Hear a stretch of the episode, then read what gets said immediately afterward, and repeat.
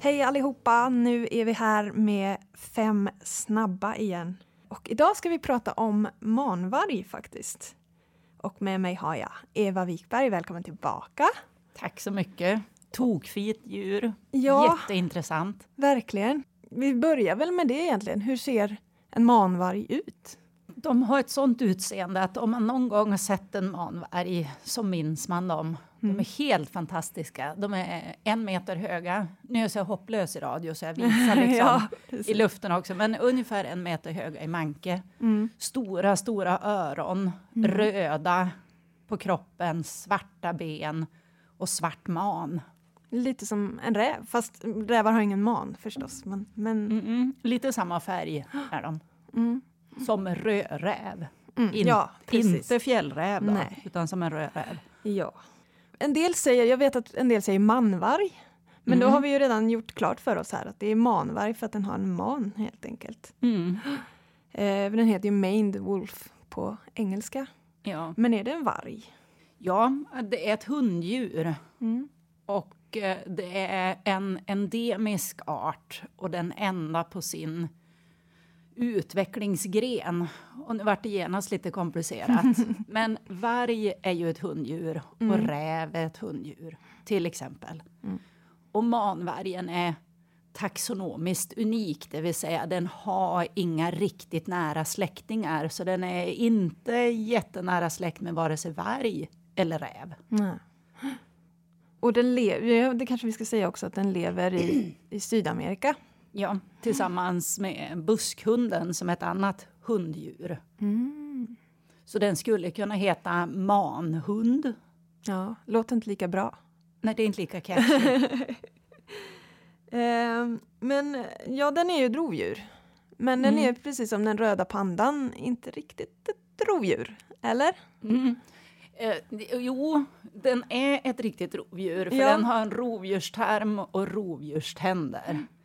Men den har under evolution vänt sig mot att äta mer växter, eller växtdelar. Mm.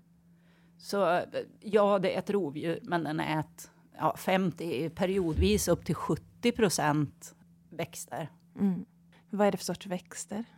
Det beror lite på säsong, men de äter mycket rötter och sånt som de kan gräva upp i jorden. Och det gör de samtidigt som de äter en hel del insekter faktiskt. Sen beroende på säsong så äter de de frukterna som mognar över, över året. Då.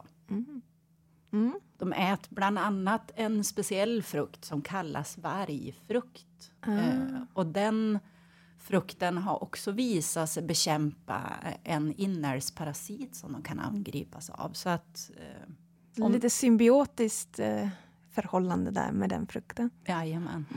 Mm. Det är ju inte helt ovanligt att besökare i parken anmärker på att det luktar lite speciellt när man går förbi manvargarna. Ja, det, det gör ju faktiskt det. De har en väldigt kraftig doft på sin urin. Och, eh, alltså doften påminner om hampa. Mm.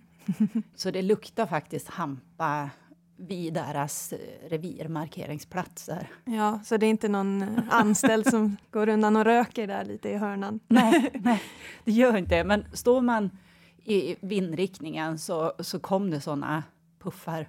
Mm. Vet du, vi säger så här, kom hit och lukta. Ja, gör det. det är en, en unik upplevelse kan man säga. Manvargarna de rör sig också lite roligt.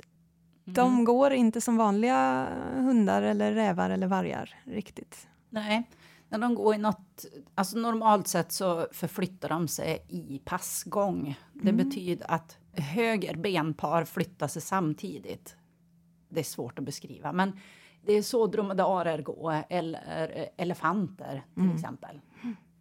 Så eh, vänster fram och bakben flyttar sig framåt samtidigt och sen är det högersidans tur. Så de vaggar liksom lite sådär. Ja, det blir lite vaggigt. Nu är de så, så platta, så pass smala, så de, de vaggar inte lika mycket som en eh, dromedar eller kamel eller elefant. Men eh, väldigt, väldigt typisk gångstil. De Men kan, varför gör de det? det vet man inte, men man tror att det är för att eh, de lever ju i pampas där det är högt gräs. Mm. Och det blir en lättare, mindre energikrävande förflyttning för dem om de går på det sättet. Mm.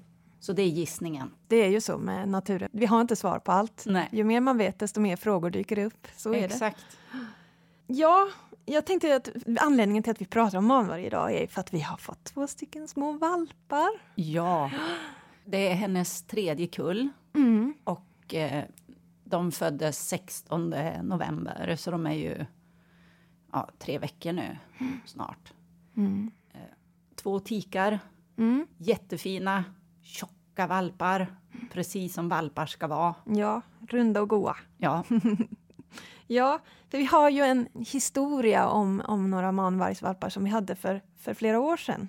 det, Du vet vilka, vilken historia jag pratar om? vi pratar om tiken, honans eh, historia. Ja. Eh, och det, det gör att de här valparna är så extra mycket för oss. För Mm. att deras mamma, hon, hon föddes hos oss för Mm. ett antal år sedan, precis som du sa. Och när hon och, och hennes bror var sex dygn gamla så dog dåvarande avelstiken. Deras mamma dog. Mm. Och det var en tarmruption, alltså att tarmen gick sönder så att det gick väldigt, väldigt fort. Och det gjorde att där stod vi med två valpar som var knappt veckan Mm. och en hane. Och det man vet om manvarg är att hannen, han hjälper faktiskt till lite grann. Oerhört viktiga de här två valparna för de är obesläktade med övriga i stamboken. Så vi tog direkt kontakt med, med han som är stamboksförare och frågade hur vill vi ska göra. Mm. De är moderslösa. Vi kommer att behöva stödmata dem till 15 veckors ålder, det vill säga i 14 veckor från nu. Oj. Ja. Och det krävs många matningar per dygn. Mm. Eh, och vi ville inte ta dem från lyan och ha dem inomhus med oss, vilket hade varit lättast. Utan hålla kvar dem tillsammans med hannen så att de under hela diperioden skulle präglas på manvarg. Mm. Ja. För det är ju det är en fara när man tar ett djur och börjar mata det, att det präglas på oss istället. Och då brukar de få olika beteendemässiga utmaningar. Mm. Alltså rena problem kan det bli. Och, och vi sa att den här hannen, han är en lugn och trygg van avelshanne. Vi, vi kan hantera honom i närvaro av valparna, ska vi försöka. Och det här är första gången som jag vet om att man någonsin har gjort så här. Mm. Stödmata i lya med hannen. Så då satte vi igång. Det här var precis innan jul det året. Eh, och där såg vi att hannen gjorde på precis samma sätt med oss efter det tog ungefär sex timmar innan han hade fattat att hans tik var borta men vi kom och gjorde jobbet med valparna. Så han behandlade oss på samma sätt som tiken så tillvida att när vi gick dit för att mata så tittade han in i lyan, såg att det var vi. Mm. Då gick han ut på utsidan och kissade och bajsade och revirmarkerade och var liksom lite präktig. och vi grejade med valparna, mata, analstimulera med en trasa så att de säkert kissade och bajsade och inte får förstoppning. Och när vi var klara och la in valparna så kom han tillbaka och la sig på vakt utanför lyan. Ja. Utmaning då är att vi hade önskat att han skulle ha gått in och lagt sig hos valparna. För de föddes som sagt precis innan jul och där är det ganska Ja, kallt. det klart. Och de har ingen underull manvargar utan de har bara täckhår och det gör att valparna är beroende av tikens värme. Så det har varit ju ett bekymmer. Det löste vi genom att ta ett stort hundgosedjur, alltså sånt plyschdjur vet du. Mm. Och det la vi in till dem. Och direkt vi la in det så sök sig båda valparna fram till kroppsvärmen, det vill säga plyschdjuret, och la sig där. Ja. Eh, och det gör att när de inte hade det här gosedjuret första dygnet kröp de omkring mycket Ah. eh, för att leta en kropp. Och då förlorar man kroppsvärme ja. och man förlorar energi. Energi. Man bränner energi. Så ett gosedjur, många, många, många timmar i manvärsladan och det gick bra. Ja. Han var så duktig hannen och alla djurvårdare som gjorde det här jobbet var ett litet team om fyra Mm. fick de här valparna att överleva. Och det vi då är spänd på det är hur ska detta gå? Ska, ska tiken som vi valde att behålla, ska hon bli en bra manvarg? Kommer hon att bli en bra mamma? Mm. Och det är precis hon som har fått valpar nu. Och Ja. hon är jätteduktig. ja, gud vad fint.